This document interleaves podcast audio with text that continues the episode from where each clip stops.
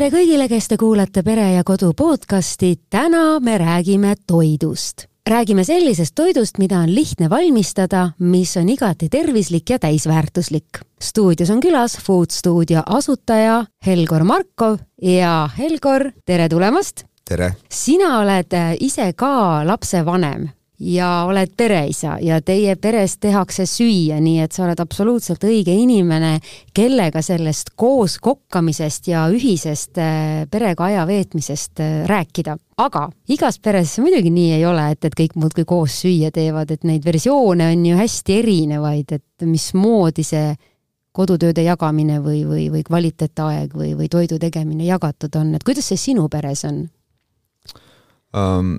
tõsilugu, niisugune tore, tore sissejuhatus, aga meie peres on muidugi ka nii, et meil on häid päevi, halbu päevi, et selles, nagu igas peres, eks, et äh, aga toidu tegemine on jah, meie peres niisugune mm, au sees, et äh, meil meeldib süüa teha, kõige rohkem siis mulle ilmselt, ja, ja võib-olla meie pere on selles suhtes natuke teistsugune, et enamasti teen toidud mina, et mitte, mitte minu abikaasa, ja, ja absoluutselt me kaasame ka lapsi sinna, et äh, mulle, mulle tundub, et see on nii, et äh, kui kui vanemad näitavad ette neid asju või, või teevad igapäevaselt päriselt süüa, siis kasvab ka see äh, nii-öelda lastel see, see mõte ja soov äh, kaasa lüüa, eks, et et ilmselt kui vanemad istuksid näppupidi voldis ja voldis ainult, et siis, siis see läheb ka sealt edasi, eks, et et võib-olla on nagu tore, kui me just siin paar nädalat tagasi käisime maal minu vanatädi juures, et äh, võtsime kartulit ja, ja porgandit, et ja, ja lapsed näevadki siis, noh, minu lapsed on viis ja seitse täna, eks, et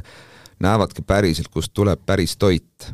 Ja, ja mis asi on päris toit, et kust kanamuna tuleb ja kus, kus kartul tuleb ja kuidas see sinna saab, eks, et ja, ja see on päris palju seletamist, et et ähm, ma usun, et seda võiks veel täna iga laps teada, et äh, absoluutselt, selle kana-muna kohta mul tuligi kohe meelde, et äh, kui äh, üks minu kolmest lapsest oli selline juba teismeline, siis ta sattus külla ühele oma klassivennale, kellel oli hästi tore maakodu ja siis ta tuli, ta jäi sinna isegi ööseks ja siis ta tuli pärast koju ja ütles mulle väga rahulolevalt. ema, nüüd ma nägin siis kana ka ära ja siis ma sain aru, et okei okay,, päris palju on mul mingisuguses valdkonnas tööd lapsevanemana tegemata. Aga, aga jah, minu meelest on nii küll praegu, et mida, mida aeg edasi, seda rohkem on hakanud tegelikult ju lapsevanemad teadvustama, et iseenesest lapsed sellist äh, infot võib-olla enam üles kuskilt ei korjagi, et kust see toit päriselt tuleb et see, see on ikka vanemate roll neile seda näidata ja, ja, ja selgitada. absoluutselt ja eks see sõltub iga pere nii-öelda mudelist ja, ja, ja palju perel aega on süüa teha, mitu, kui tihti süüa tehakse, eks, ja kas, kas tehakse süüa algusest lõpuni ise ja, ja, ja kõik, kõik see pool, eks, et kui palju me voldime ja poldime ja, ja, ja ja kiirtoit nii-öelda sinna juurde, eks, et no mina mäletan enda lapsepõlvest ja ma üldse ei saa aru, kuidas mu emal selleks aega oli, et ta käis ju ta oli nagu kogu aeg tööl. samas meil oli kogu aeg päris toit, päris kanapuljongi sees olid päris enda köögiviljad, eriti maitsev oli see siis, kui see äh, kodune supp äh, tehti nendest köögiviljadest, vaata, mida sa saad alles harvendades mm, -hmm. need pisikesed porgandid ja, ja nii ja seda päris toidu maitset ma vahepeal pikki aastaid üldse ei tundnudki ja ma väga-väga igatsesin seda, see oli sellisel kiiremal eluperioodil mm. -hmm ja, ja tegelikult ma avastasin selle uuesti just selle valdkonnaga seoses, millega nagu sina tegeled. ehk siis ma sattusin proovima tänu ühele enda kolleegile, Martin Hansonile, kes mm -hmm. katsetas kunagi neid Food Studio puljongeid. ma sattusin üle pika aja proovima nagu päris puljongi maitset, mis on samasugune nagu siis, kui kunagi need emad ja vanaemad seda nagu kodus tegid ja see oli mulle nagu sihuke, et nagu vau wow ja aga ma kujutasin muidugi siiamaani ette, et need on niisugused tõesti sellised pigem restoranitooted, pigem nagu restorani äh, tippkokkadele abiks. et kui nad tõesti nagu peavad midagi sellist tegema, mille tegemine neil muidu võtaks, ma ei tea, mitu päeva. Aga nüüd selgub, et no sellised asjad on siiski igapäeva tarbimiseks täiesti olemas, et kuidas sa jõudsid selleni, et nagu tavalised kodud, tavalised pered saaksid ka sellist kvaliteetset toorainet enda igapäevatoidu tegemises kasutada? no tegelikult see lugu algaski kunagi Food Studios, mis oli selline privaatköök või pri-, privaatrestoran, kus me siis keetsime hästi tihti nii-öelda restorani ja külaliste tarbeks puljongeid ja kasmeid ja, ja ja väga paljud inimesed küsisid, et oi, et kuidas teil nii hea supp on või noh, kõige parem näide on alati, suured mehed tulevad ja söövad püreesuppi ja küsivad, kas on veel, eks, et ja, ja sest tavaliselt nad ju eeldavad, et see pole kellegi toit. täpselt, ja, ja mis on ühe hea supi nii-öelda põhisaladus, on ju tegelikult ikkagi puljang. ja, ja sealt see tegelikult ähm, hakkaski see idee idanema ju tol ajal, et äh, kas me võiksime äh, suuta pakkuda samasugust kvaliteeti mõistliku hinnaga ka jaekaubanduses nii-öelda tavainimestele, et äh, ja kui me alguses ikkagi fokusseerisime võib-olla rohkem jah, tõesti, nagu sa mainisid, restoranidele ja, ja tippkokkadele, siis, siis täna on see fookus ikkagi noh, tegelikult ikkagi mõlemal alles ja ja kui alguses see tundus võib-olla selline gurmeetoode või selline vähem vajaduspõhine, siis täna on ta ikkagi ju laia tarbe laiatarbekaup ja saadavus igas, igas heas nii-öelda marketis, eks, et ja noh, see eesmärk on ju päeva lõpuks ikkagi see, et et anda, anda siis kokkajatele aega juurde, et anda, anda sulle aega õhtul olla rohkem perega või siis kas või teha kauem tööd või, või sporti või mida iganes, et aga et sa ei pea keetma seda puljangit või kastet ise siis tundide kaupa seal pliidi ääres ja, ja me teeme selle töö sinu eest ära. et me anname, me ei anna sulle valmis toitu, aga me anname sulle nii-öelda ühe sammu siis, et äh, sinu kokkamine oleks märksa-märksa kiirem, eks, et et mulle endale meeldib mõelda nii, et äh, meie tooted või eelkõige siis kasmed ja puljangid võiksid äh, võiksid või, või see toit võiks valmida nii kaua, kui süsivesik keeb. et kui me räägime näiteks, noh, ma toon näiteks mõne, mõne pastakasme siin, eks, et siis ülejäänud asjad võtavad sul nii kaua aega, selle kasme tegemine, sinna mõne proteiini sissepanemine võtab sul nii kaua aega, kui su pasta keeb või kui su riis keeb, eks, et ehk siis me räägime ikkagi kümnest-viieteist minutist mm. -hmm. ja, ja noh, ma ei tea, kui sa mõtled õhtul, kui ma mõtlen enda nii-öelda elu peale, kui ma olen õhtul koju ja kui lapsed tulevad trennist, kõik me tuleme töölt, siis kui kaua on sul aega serveerida seda toitu nii, et keegi ei, ei ole kuri, keegi ei karju, keegi toit. ei märatse, et, et see, noh, see peab tulema kiiresti, sest noh, lapsed on ju meganäljas, et kui nad oma trennidest ja kohtadest tulevad, eks, et ja, ja kui sul ei ole eelmise päeva toitu just alles, et või, või kui ka sul on eelmise päeva toitu alles, et kui kui lihtne on sellega mängida tänu erinevatele kasmetele, eks, et et see, see mõte siis ah, et nagu isiklikust huvist ja pererahu huvides nuputasid sa välja süsteemi, kuidas õhtuti saab nagu kiirelt tervisliku toidu ja kohe nii kiirelt, et see jõuaks enne valmis, kui pereliikmed jõuavad näljas, näljast tülli minna. aga see on ju, see on ju argipäev, eks, et, et nädalavahetusel muidugi mulle, mulle meeldib ma, ma tegelikult keedan siiani kodus aeg-ajalt ise ka veel puljangit, sest mulle lihtsalt meeldib see protsess, aga, aga noh, tegelikult ei peaks seda keetma ja mu abikaasa küsib, kas tõesti siis ei saa töölt tuua puljangit koju, et sa pead ise, ikka ise keetma seda, et aga, aga mulle lihtsalt meeldib, eks, et teinekord jaa, no üldiselt äh, inimestel on olnud selline ettekujutus, et see tervislik äh, toit ju valmibki väga aeglaselt, et nende toorainete saamine on üks piinarikas äh, protsess mm. -hmm. ja seda ei ole võib-olla siis nii mugav nagu saada, sest et sa tegeled selle toidu ettevalmistamisega siis nii kaua. et nüüd mulle tundub, et see, et see probleem on lahendatud läbi nende kastmete ja läbi nende puljongite. aga üks asi on siinjuures minu meelest väike probleem, et inimesed on nagu minetanud ka võib-olla selliste asjade kasutamise oskuse üldse, et seda vahepeal nagu nii kaua ei olnud, et nad ei teagi tegelikult alati, et mida nagu selle tootega nüüd päris nagu peale hakata üleüldse, veel vähem, nad ei tea, kuidas oma lapsele öelda, et mismoodi neid kasutada, või siis tuleb üldse välja, et see on tegelikult väga lihtne aga sa ei oska lihtsalt niipidi mõelda mm. -hmm. Uh, mulle tuleb selle loo peale praegu, sinu jutu peale meelde, me siin aasta-kaks tagasi rääkisime Eesti toitumisnõustajatega ja, ja kui ma rääkisin, et noh, et ma, ma tõin nagu hästi lihtsa näite, kuidas saab suppi teha, ma ei tea, kümne minutiga, eks, et sa võtad meie puljangi, sa võtad külmutatud juurikad ja sa võtad noh, kas kalakuubikud või frikadellid, minu noh, ükskõik mingi nii-öelda proteiini ka, sa paned need kõik keema ja tegelikult sul on kümne minutiga asjad valmis ja siis need toitumisnõustajad rääkisid Elgor, et nüüd sa räägid juba sellest nii-öelda kontingendist, keda meil on kümme-viisteist protsenti, kes süüa oskavad teha. ja enamasti kliendid, kes siis nende juures käivad, noh, me räägime ikkagi purgisuppidest, me räägime nii-öelda ära töödeldud toitudest, et, et see grupp aga see on ometi ainult kümme minutit kauem kui purgisupi tegemine. absoluutselt, jah.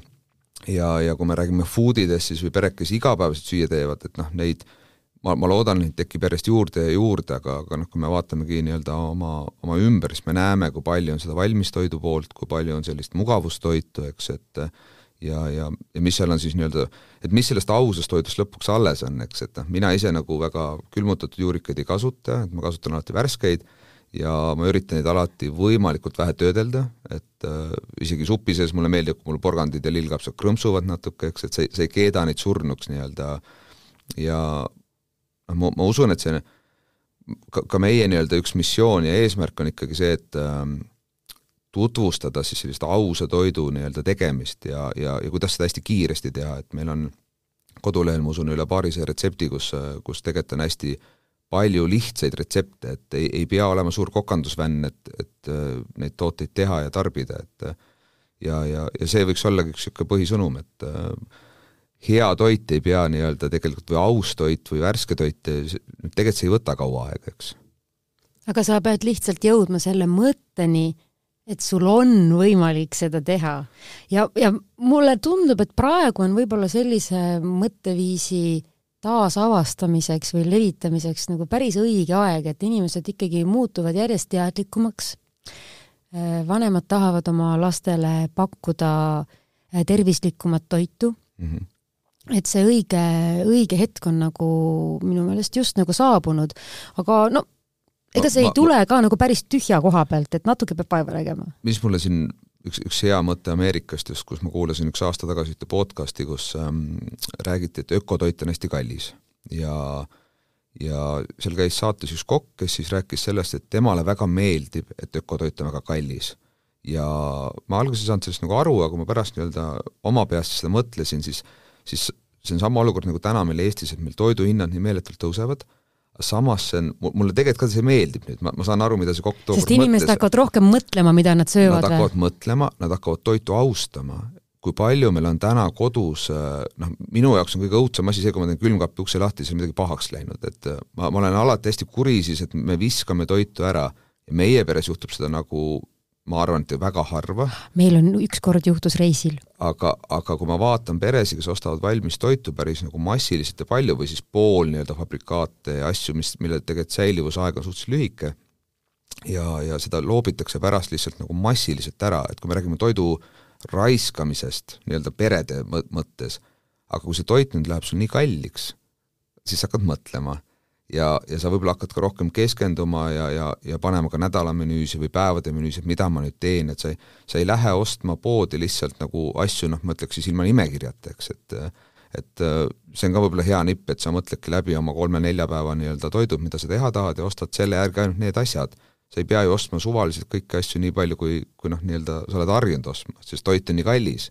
aga ennem oli toit nii odav ja keegi ei mõelnud selle peale, et et siinkohal see toidu raiskamine ja, ja ütleme, niisugune leftover ite tegemine, mis, milles ma tunnen ennast veel eriti hästi, et kui sul, kui sul jääb mingi siis hakkab fantaasia tööle, jah? just, et sa teedki külmkapi ukse lahti, sa vaatad, sul on seal eelmisest päevast riis, eks ole, sa kallad sinna mingisuguse, ma ei tea, koore või asja peale ja või, või muna ja juustu nii-öelda niisugune poissmehe toit küll võib-olla, aga, aga saab päris hästi asju ära kasutada. Need on need äh, sellised lood, vaata, kui sul on, sa tuled koju ja su lapsed on külmkapi ukse ees nälga suremas, sest et seal ei ole nagu mitte midagi ja ja siis sa teed nagu täiesti normaalse toidu valmis ja nad mm -hmm. ütlevad, et aga kuidas sa tegid, meil Just. ei olnud ju kodus mitte midagi. tegelikult sul on kõik olemas, lihtsalt äh, sa pead nagu nägema, aga kui sa oled ainult valmistoidu tarbija või poolfabrikaadi tarbija, siis sa ei näe seda. absoluutselt, et äh, mulle endale meeldib õudselt süüa ja, ja õhtuti ka noh, nii-öelda kui tegelikult enam ei peaks sööma, ma teen selle külmkapi ikkagi lahti, kuigi ma tean, et seal ei ole mitte midagi. aga sa arvad, et paljuneb seal miski asi ja tekib? ja, ja, ja siis ma nagu, noh, tekib see näljatunne seal kell mhm. üheksa mm. veel ja siis sa avad selle külmkapi ja siis vaatad, noh, okei okay,, et siin on, siin on porgand ja siin on, ma ei tea, toores kala ja siin on nagu, et kõik asjad nagu toored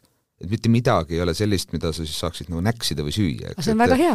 ja noh, siis panedki samas nii selle... väga sa näksida ju ei taha, et sa hakkaksid suppi keetma enne magama minekut. ja tegelikult ei olegi kõht tühi, eks, aga just. sa lihtsalt tahaks midagi, eks, et, et selles suhtes nagu jah, see, see on nagu hea võrdlus, et kui sa teed ukse lahti ja vaatad, kui palju seal on sul asju, mida kohe süüa, versus nii-öelda siis toormaterjalid, eks ju. sest et äh, teatud tüüpi selliseid poolfabrikaate sa ju võid ka võtta nagu näksiks, et noh, lihapallid ja, ja kõik need juustuga pihvid ja mm -hmm. kõik need viinerid ja mis on nagu täiesti normaalne toit, kui sa sööd neid õiges kohas, õigel ajal, aga kui nad sulle vaatavad filmi filmi reklaamipausi ajal külmkapi ukse vahelt vastu, siis sul peab väga kõva iseloom olema, et mitte võtta. samas ma kujutan ette, et lihtsalt puljungit sa endale sisse ei kalla sellisel hetkel, et sa ikkagi ootad selle toidukorra ära. absoluutselt ja noh, kui me veel poolfabrikaatidest räägime, siis, siis tegelikult tasuks, tasuks süveneda korra, mis seal sees nii-öelda koostisosade listis on, eks, et, et mind ennast tabas siin kevadel niisugune äh,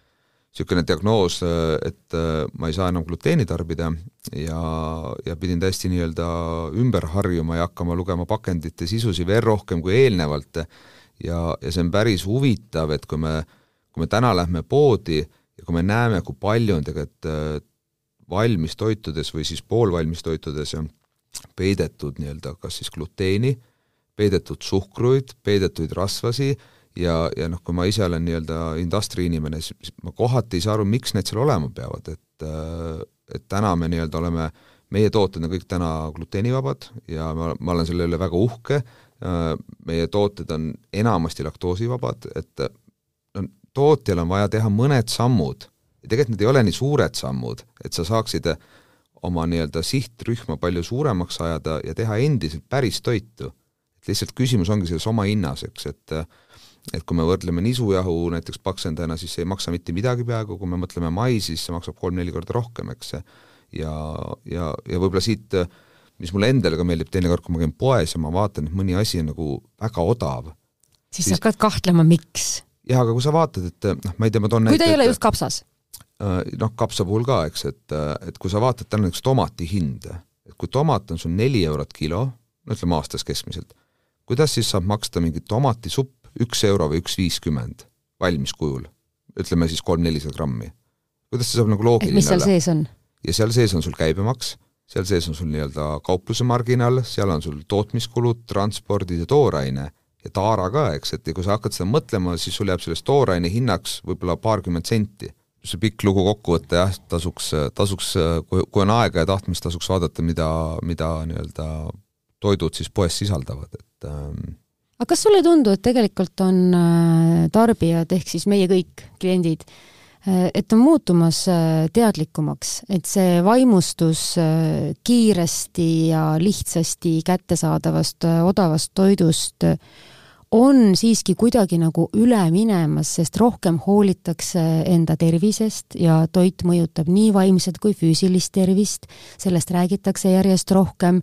inimestel on päris palju erinevatel põhjustel äh, kõikvõimalikke allergiaid, mille vältimiseks nad hoolega toitu valivad. ka lapsed minu meelest äh, on paremas tujus ja käituvad paremini, kui nad söövad hästi ja mm -hmm. tervislikult ja inimesed on sellest nagu üha rohkem teadlikumad.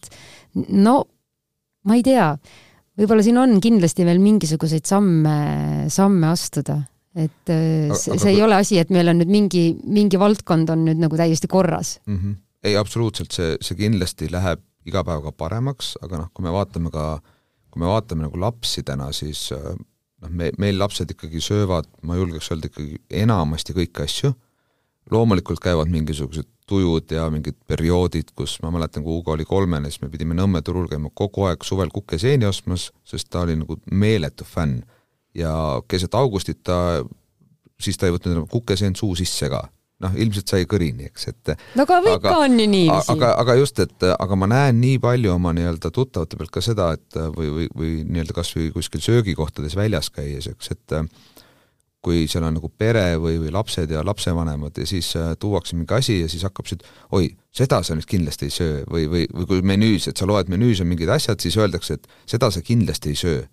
aga, aga kui me juba lapsele ütleme, seda sa kindlasti ei söö, no siis noh, üheksakümmend üheksa protsenti ei söögi seda, eks. teine et... näide on veel, äh, läheb pere sööma ja vanemad tellivad endale täitsa normaalse toidu ja laps, vaesekene, tema saab siis friikad ja viinerid. just, et, et noh, ma, ma täna juba, mulle tundub, et enamus nagu sellistes paremates kohtades või, või ütleme nii, et ma arvan, et see võib olla ka nii, et kus äh, nii-öelda kas omanikel või peakokkadel või juhatajatel on omal ka lapsed, siis väga tihti sa näed, et las-, laste toidud või laste praed ei erine ju tegelikult peale suuruse mitte kuidagi täiskasvanud inimeste praadidest, eks. jah, mõnikord võib-olla tehakse natuke laste pärast välimust, aga see koostis on ikkagi tervislik. aga laps on ju täpselt samasugune inimene nagu meie ja, ja ta peaks ju sööma samamoodi nagu hästi, et miks on vaja talle siis midagi teistmoodi teha, eks, et no see on ka oluline iseenesest, et lapsepõlves ju ikkagi vanemad on need, kes panevad aluse sellele, eh, mis, mis seal lapse kõhus toimub et missugune toit sinna jõuab,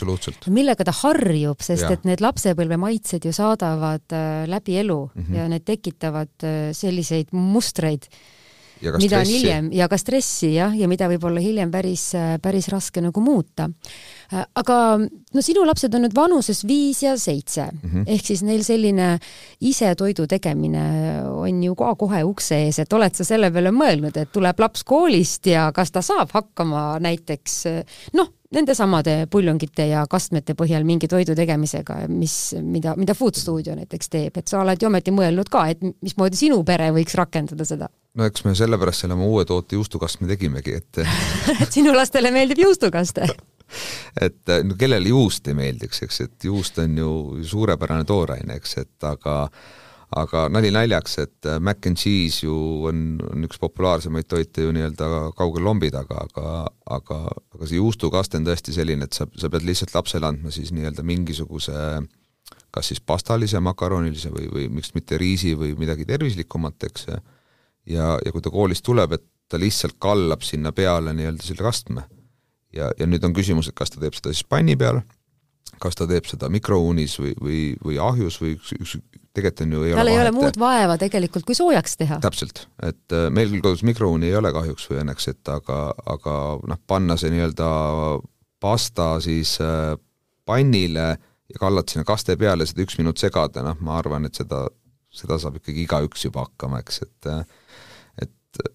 tead, Elgor, meil ei olnud ka mikrouuni terve see aeg, kui mu lapsed olid väikesed, sest ma ei olnud ikka lõpuni kindel, et noh, ei tea, äkki see on ikka kuidagi ohtlik. nii, ja nüüd ja on. nii kui nad suureks said, esimese asjana ma ostsin mikrouuni, mõtlesin, et nii suuremad võimalused nende tervisele kahju teha on möödas ja see on uskumatu, kui palju me seda tegelikult kasutame just siis, et äh, kui sul on vaja kiiresti midagi soojendada mm -hmm. ja ma rääkisin ühe teadlasega, kes seletas mulle lahti, kuidas mikrolaineahi toimib mm. -hmm. ja see, ütleme, leevendas mu hirmud okay..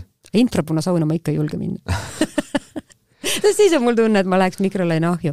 aga nüüd ma tagantjärgi nagu mõtlen, et võib-olla oleks pidanud selle mikrolaineahju isegi veidi varem ostma, sest -hmm. et see oleks mu aega võib-olla isegi veel rohkem kokku hoidnud ja mõni hirmsasti kõrbenud pann oleks ka jäänud ära viskamata. no ilmselt on siin pannide küsimus jah, sest kui, kui sa niipidi mõtled, kui kiire on täna induktsioonpliidid siis tegelikult, kui sa paned induktsioonpliidi ikkagi noh, peaaegu põhja, siis sa ei jõua õli ju võtta, kui see pann juba kärssab, eks mm, -hmm. et mhm. et see noh, vanasti olid nagu pliidid ju ikkagi aeglased, et ja, ja ka need esimesed nii-öelda keraamilised pliidid olid ju tegelikult väga aeglased, et ja täna..., ja sa jõudsid mööda kööki ringi kakerdada ja sul ei ole veel midagi juhtunud seal panni peal, on ju. et lihtsalt sul peaks kodus olema kolm-neli panni, kui sa tahad nii-öelda noh, niipidi toimetada ilma, ilma siis mikrota, eks, et äh, et siis ja, on kindlasti mugavam.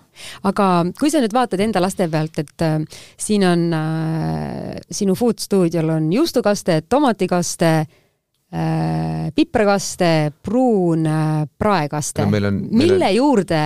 Ja sul on veel demi Demi-Glaze, no see on ikkagi niisugune foodidele, eks. jaa, see on aga... juba täiesti fännidele, aga oletame, et kodus on lapsed mm. -hmm. pere ja kodu kuulajatel enamasti on kodus lapsed mm. -hmm. Mm -hmm. et millised need laste lemmikud kipuvad olema ja millega neid kombineerida siis mõnusalt? no meil on kindlasti üks lemmik on nii-öelda see tomatikaste, mis on siis tehtud äh, kaerakoorega, ehk me vältisime siinkohal meelega just nii-öelda taotluslikult äh, lehma, lehma nii-öelda piima või, või siis vahukoort, eks, et ta oleks võimalikult allergiavaba ja sellest tomatikastmest on saanud selline meie pere ketšup, et, et kuna meil niisugust ketšupit igapäevaselt kodus ei ole, siis noh, see, see sobib nagu iga jumala toidu peale, sest nagu noh, kas on ta siis pasta, on ta lõpuks veel mingi tortilla või noh, jumal teab mis, eks, et ta on ta ongi täpselt meie pere ketšup, eks mm. -hmm.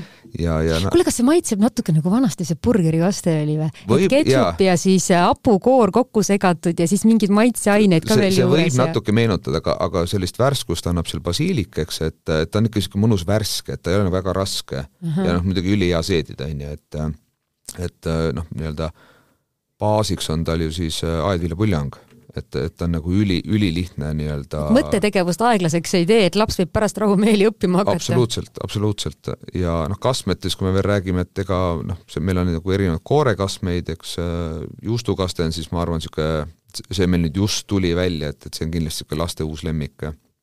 ja noh, mida, mida meie peres muidugi palju läheb, on, on puljang, et et erinevad nii-öelda kas siis kanasupp, klassikaline, eks, või, või nii-öelda frikadellisuppi, noh, me peame ikka päris tihti tegema ja, ja uu-, uus on nüüd raamen, millest meie pere üle ega ümber ei saa, et Ugo ikkagi mul pidevalt nõuab, et, et ma seda töö juures tooks talle, eks, et äh. kusjuures see raamen muutub järjest populaarsemaks, minu meelest oli see alguses rohkem selline äh, kuidas ma ütlen, kontoridaamide lemmiktoit või midagi niisugust ja eile tuli mu tütar koju ja ütles, et ta on mitu päeva käinud linnas erinevates kohtades raamenit söömas, sest ta mm otsib endal lemmikut.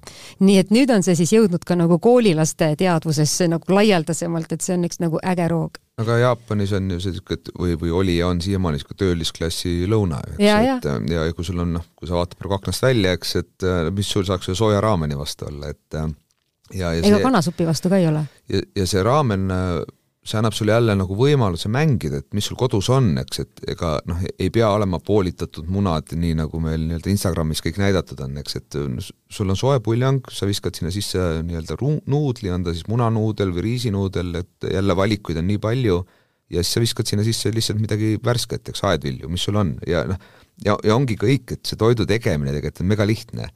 sa, sa ei tohi karta seda, et et see kõlab, see kõlab nagu mingisugune tead need äh, kokanduskurud? Mm, -hmm. kui nad midagi räägivad, siis nad ütlevad, ei noh, see söögi tegemine ei ole raske, sa lihtsalt vaatad, mis sul seal külmkapis on, no viskad just, kokku midagi, aga nüüd on see nagu päriselt ka võimalik. vana hea Imre Kose tuleb, eks, et nende esimeste kokasaadetega meelde, et aga noh, ma ei tea, minu message on ikkagi see, et sa ei tohi karta, et sa pead nagu julgema katsetada, sest aga mis sul juhtuda saab, kui sa, kui sa teed oma suppi ja, ja see nüüd ei tule kuidagi ei no miks ta ei tule, sa paned Just, sinna sisse need asjad, mis sulle meeldivad. täpselt, et ja, miks ta siis ei peaks tulema? et äh, noh, kui sa, kui sa maitsestad ikkagi toitu ju lõpus, eks ole, et kui sa üle ei maitsesta, siis noh, et kus seal valesti saab minna, et tegelikult ei saa.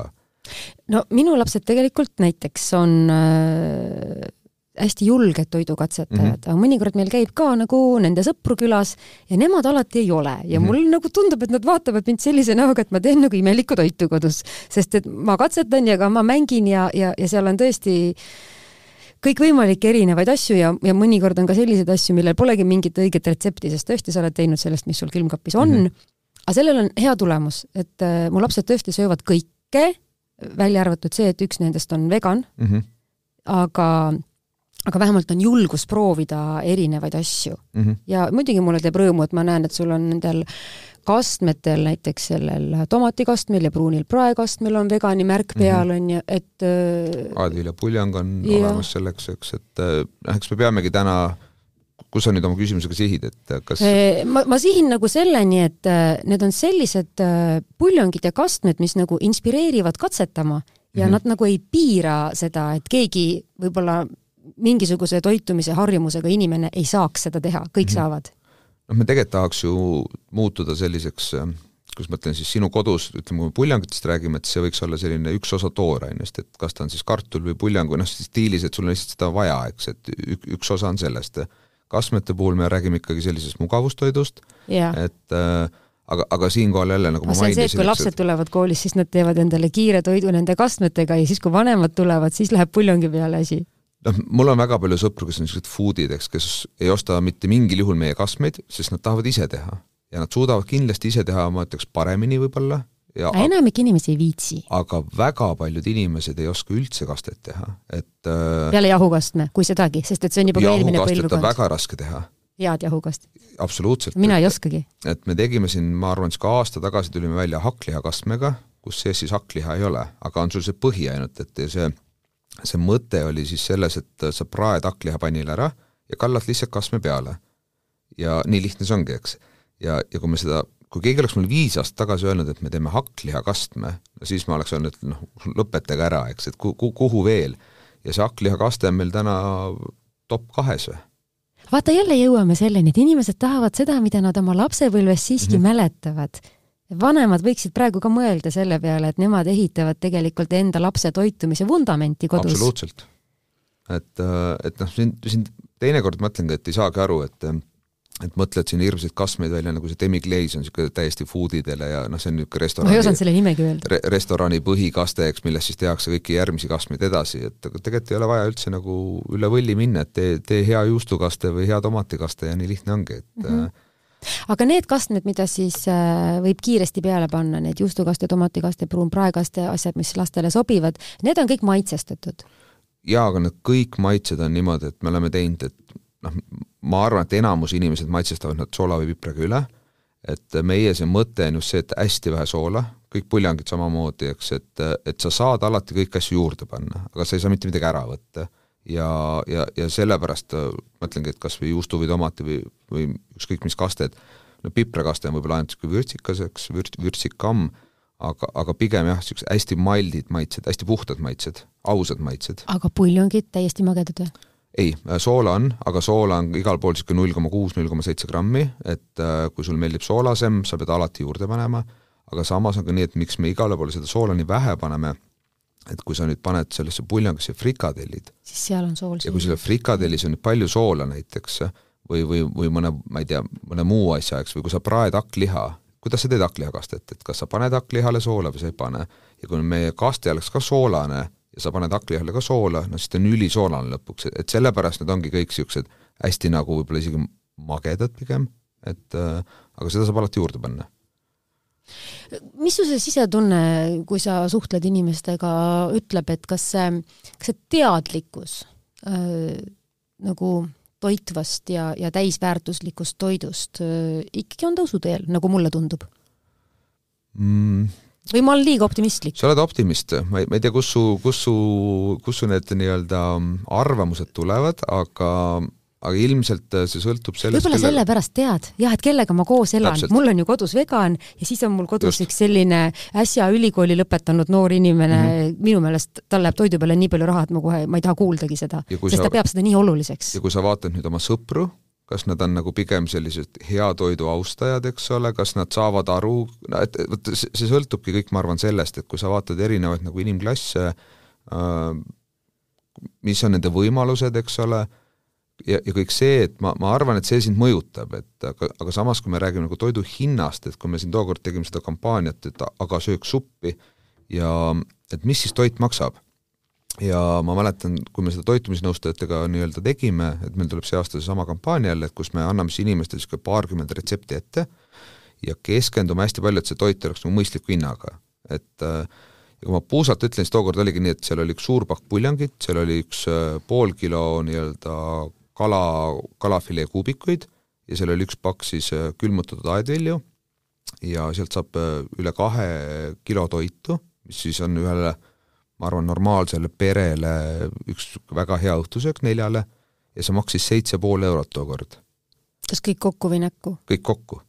okei okay., vaata, kuidas ma küsisin, toiduhinnad on niimoodi tõusnud. ja okei okay,, see oli eelmine aasta, eks, aga noh, meie täna oma nii-öelda hindu ei ole veel tõstnud ja, ja et kui me, kui me natukenegi kalkuleerime, kuidas me süüa teeme, siis tegelikult saab ju väga nagu mõistlikult, et kui sa oled poodi, ostad valmis lihapallid viie euroga, noh siis tegelikult noh, ongi kõik juba, on ju. et äh, aga porgand ju ei maksa ju palju, noh, juurviljad ju ei maksa tegelikult, noh, kui me nüüd mangost ei räägi, avokaadost, eks, et aga jaa, aga samas äh, isegi paprika hind on päris normaalne. vahest. vahest, sa pead peale sattuma, on ju siis porgand on normaalne, kapsas on normaalne, äh, kartul on nii palju tõusnud, et võib juba rahumeelipataati osta. et äh, ja üks äh, suur ahju plaaditäis köögivilju mm -hmm. iseenesest on ju väga mõnus väga,. väga-väga mõnus. väga mõnus ja meil on isegi selle jaoks spetsiaalne kaste, üks herbi, mis on nii-öelda siis niisugune ürdikaste, eks, et sellega on nagu ülimõnus teha neid. aga mida ma veel võib-olla julgustaks ütlema, ongi see, et õuna tasuks süüa siis, kui õunad puu otsast valmis saavad, eks. Mit-, mitte maikuus. Äh, porgandit ja kartulit tasuks süüa sügisel, kui nad on värsked, et et, et võib-olla peaks nagu sellele ka mõtlema, et millal on mingite asjade hooajad ja süüa neid siis, kui ikkagi see hooaeg on ja, ja nautida neid siis, et äh, me, eestlased muidugi oleme ka kõvad külmutajad, eks ole, et maasikad külma, kõik asjad külma, et et ma usun, et see on nagu väga hea kõik. aga, aga noh, mõtlengi, et kas neid Hispaania maasikaid, kui me räägime kevadel tulevad, et noh, mis nende mis... no jaa, aga peenrapelt tilli paned ikka külma jah, ikka muidugi, eestlased panevad, eks, et, et isegi panen ju lastele maasikaid ja, ja vaarikaid kogu aeg külma, eks, et kuigi võiks ju poest osta, talvel ka ju Eesti taluvaarikat on ju täitsa külmutatuna olemas, aga noh, ikka vaja ise teha kõiki asju, eks, et et siis kuidagi nagu, aga noh, meil on see lugu nii ammu juba, et ma tean, kust need tulevad, ma tean seda talunikku ja see ongi niisugune üks, üks osa suvest, see maasikate puhastamine ja külma panemine, eks, et aga siit ma hakkan mõtlema, et need tooted, mis Food Studiol on, üliägedad tooted ja enamasti nad on sündinud mingisugusest isiklikust sellisest äh, soovist või et nagu, mis endale meeldib -hmm. et kui sa praegu räägid, siis ma kujutan ette, et sa varsti hakkad nagu pakkuma, ma ei tea, külmutatud maasikamoosi või värsket või no tahaks ikka, tahaks ikka oma liistude juurde jääda, eks, et aga jah, ma ikkagi ütleks, et see mul kohati tundub selline nagu loogika, sihuke talupoja loogika või meie vanaemade toiduloogika on hästi aus,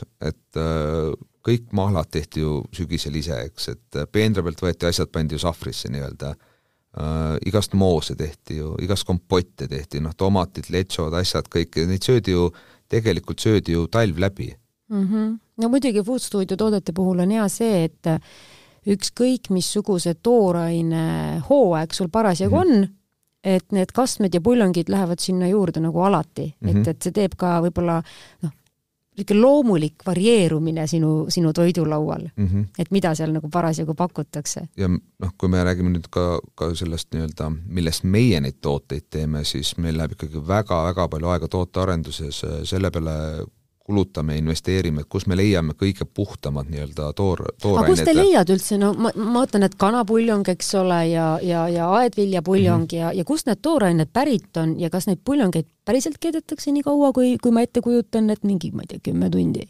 Uh, isegi rohkem keedame, et uh, me, me lubame kliendile alati kaksteist tundi, et uh, see, see on see, mille järgi me töötame, enamasti me keedame isegi veel rohkem, niisugune kuusteist-viisteist tundi, eks aga, aga toorainete puhul noh, ma nagu ma ütlesin, et, et see on meie jaoks megatähtis, et äh, kui me räägime kanakondist, siis me kasutame täna ainult ökokana ja toome seda Lõuna-Saksamaalt, äh, sest keegi teine ei suuda nii suures mahus meile konti pakkuda. kui me räägime veisest, äh, siis ainult Eesti rohumaa veis, et ainult öko et see kvaliteedivahe lihtsalt nii suur. see annab maitses ka tunda, eks ole? see annab maitses tunda, ma ütleme nii, et ma ei olnud ise väga suur ökofänn enne oma lapsi, äh, ma ei, kuidagi noh, aga lapsevanemana tundus, et sa pead neile pakkuma parimat. ja, ja kui me selle nii-öelda puljongi tootmise tegime, siis äh, siis me hakkasime testima neid asju, et mis vahe on nagu ökotoorainel ja mitte ökotoor, see vahe on nagu öö ja päev ja, ja kui ma tavaline inimene saab sellest siis aru, kui sa räägid talle, et vaata, nuusuta seda poetomatit ja siis seda vanaema kasvuhoone tomatit. just, et äh, ja, ja see vahe ongi nii suur, et kui ma selle nii-öelda kanatootjaga, kes nemad on siis aastast seitsekümmend üks äh, talunike kooperatiiv Saksamaal ja ma küsin, et, et noh, seleta nagu kolmeaastasele, et mis vahe on siis sellel ökokanakondil ja, ja, ja nii-öelda siis tavalisel, et et kust see vahe tuleb ja et isegi mina ei saanud aru, eks ju.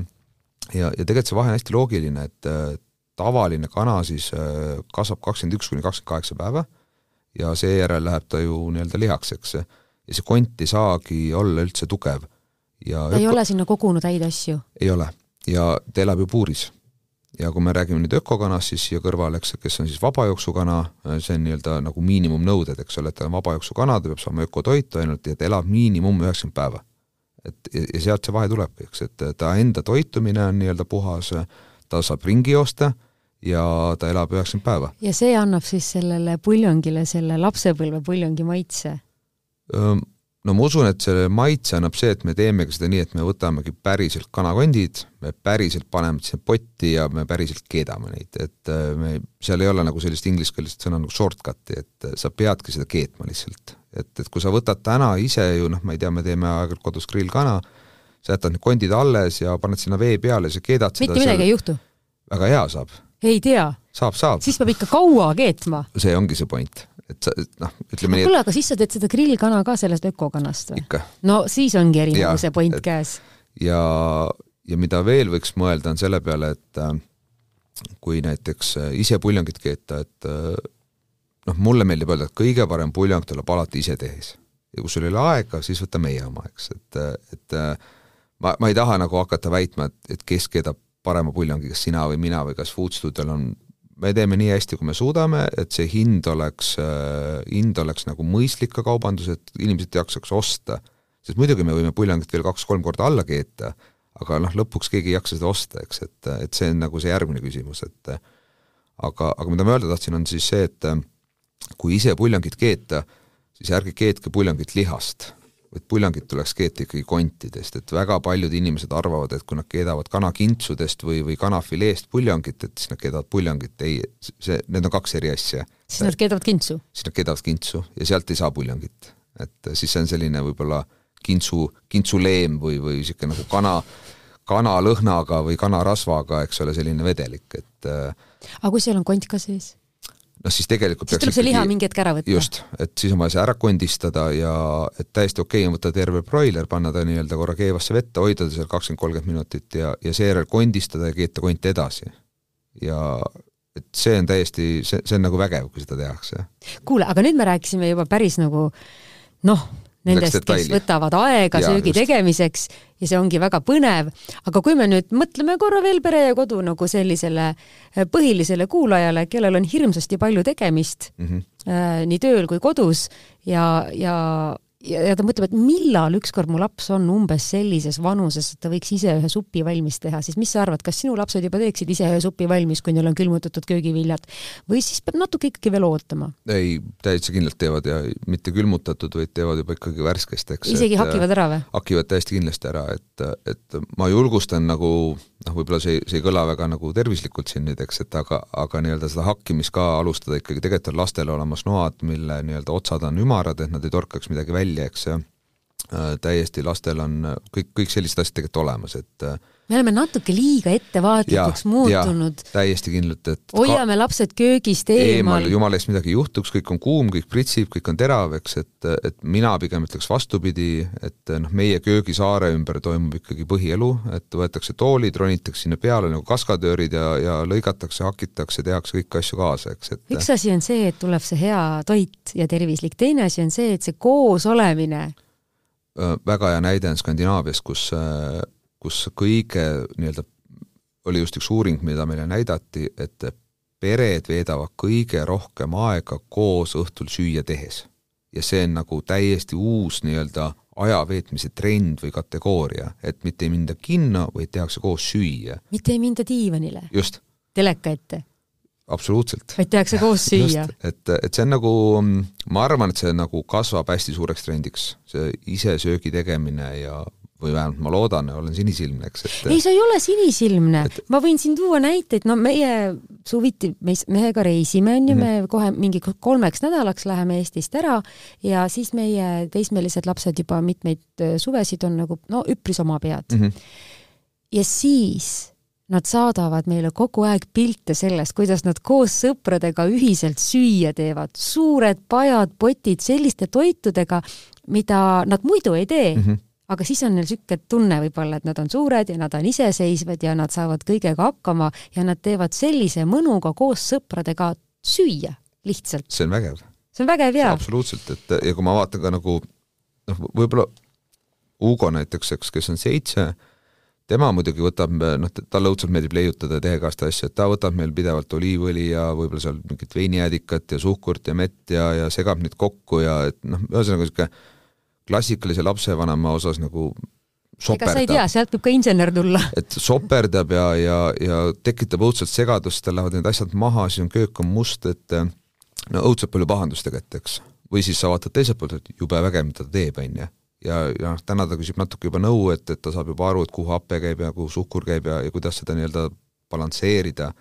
aga kui sa ei lase sel lapsel siis noh, nii-öelda nimetame seda soperdamiseks, sa ei lase tal teha seda, ega siis ei juhtu ju ka mitte midagi täitsa kindel ja siis kaob huvi ka ära, eks ju. minu meelest ei ole selles midagi halba, kui laps natukene toiduga mängib. absoluutselt, me ise ju mängime kogu aeg, et miks siis lapsed ei tohiks mängida. jah, ja äh, pealegi see ei ole talle mitte kuidagi ohtlik.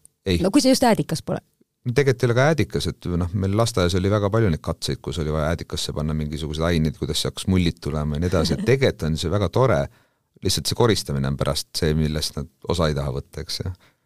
jaa, see on tõsi, aga no see käib asja juurde ja sellest ei pääse ja ükskord nad on nii suured, et nad koristavad juba ka ise seda ma ei usu, aga seda sa ei usu või? no ma olen seda näinud, et seda tuleb ette siiski aga sealt tekib see huvi ja vaata, kui tal ükskord noh, sa teed temaga koos selle kastme või mingi kas või salatikastme, seda on ju nii lihtne teha, eks, et sa paned kaks-kolm asja ja, ja ja kui talle endale meeldib see, ta saab ju seda innustust, siis ta mm -hmm. tahab ju mhm. veel teha mm, -hmm. siis ta veel teeb, et et sa kaasadki need lapsed ju tegelikult ju kohe sinna söögi tegemise juurde ja mida varem sa seda teed, seda porgandit koorida, pesta, et sa saad tegelikult ju ütleme nii, et sa pead olema ise hea peakokk, et neid kaasata ja panema neid tööle. et äh, toidu tegemise juures, et tegelikult saab igaüks midagi teha ju peres, kui te teete ühiselt süüa. ma kuidagi arvan, et see on selline niisugune zen-tegevus ka ja, ja selline suhete parandaja ja sidemete looja ja et sa nagu oma peres samal ajal ei, ei tee üksnes nagu head toitu, vaid sa ikkagi natuke nagu küpsetad selliseid häid suhteid ka selle absoluutselt. ja, ja noh, see ei, see ei ole ju ainult lastega, et see on samamoodi ju nii-öelda su sõpradega, kui sa tuled külla, et äh, seda, see toidu koos tegemine on ju tegelikult äh, megaäge. et äh,, et noh, kui see ongi see kogu see, kus see food studio kontseptsioon on ju algusest äh, nii-öelda saanud, on see ühiskokkamine või see, see koos tegemine, eks, et äh, igaüks oskab meist ju midagi hästi teha, et mina ei oska üldse küpsetada mingeid asju magusa poolt, eks, et aga äh, see ongi see, et kui keegi tuleb, kes oskab, siis sa teedki nii-öelda koos selle õhtusöögi ja, ja, ja veedadki ühiselt aega, eks, et äh, mis, mis võiks veel parem olla siis mm. -hmm. meil on nädalavahetustel lausa selline komme, et võtame mitu peret kokku ja siis teeme kõik koos süüa ja mm, -hmm. ja enne arutame, et kes mida tahab, et teeme päris erinevaid asju ja see jätab kuidagi hästi hästi hea tunde sellest nädalavahetusest mm, -hmm. noh mhm. umbes nagu oleks puhkusel käinud mm -hmm. või midagi niisugust. jaa, nõus väga lahe. aga suur tänu, Helgor Markov, Food stuudio asutaja, et sa Pere ja Kodu stuudios siin äh, heast ja tervislikust ja mis ka väga oluline, kiiresti valmivast toidust rääkisid ja, ja ma soovin tõesti edu, et neid uusi põnevaid kastmeid ja puljongeid veelgi valmiks ning äh, hea kuulaja, Pere ja Kodu podcast on selleks korraks läbi, ma usun, et oli vahva kuulamine ja kohtume peagi taas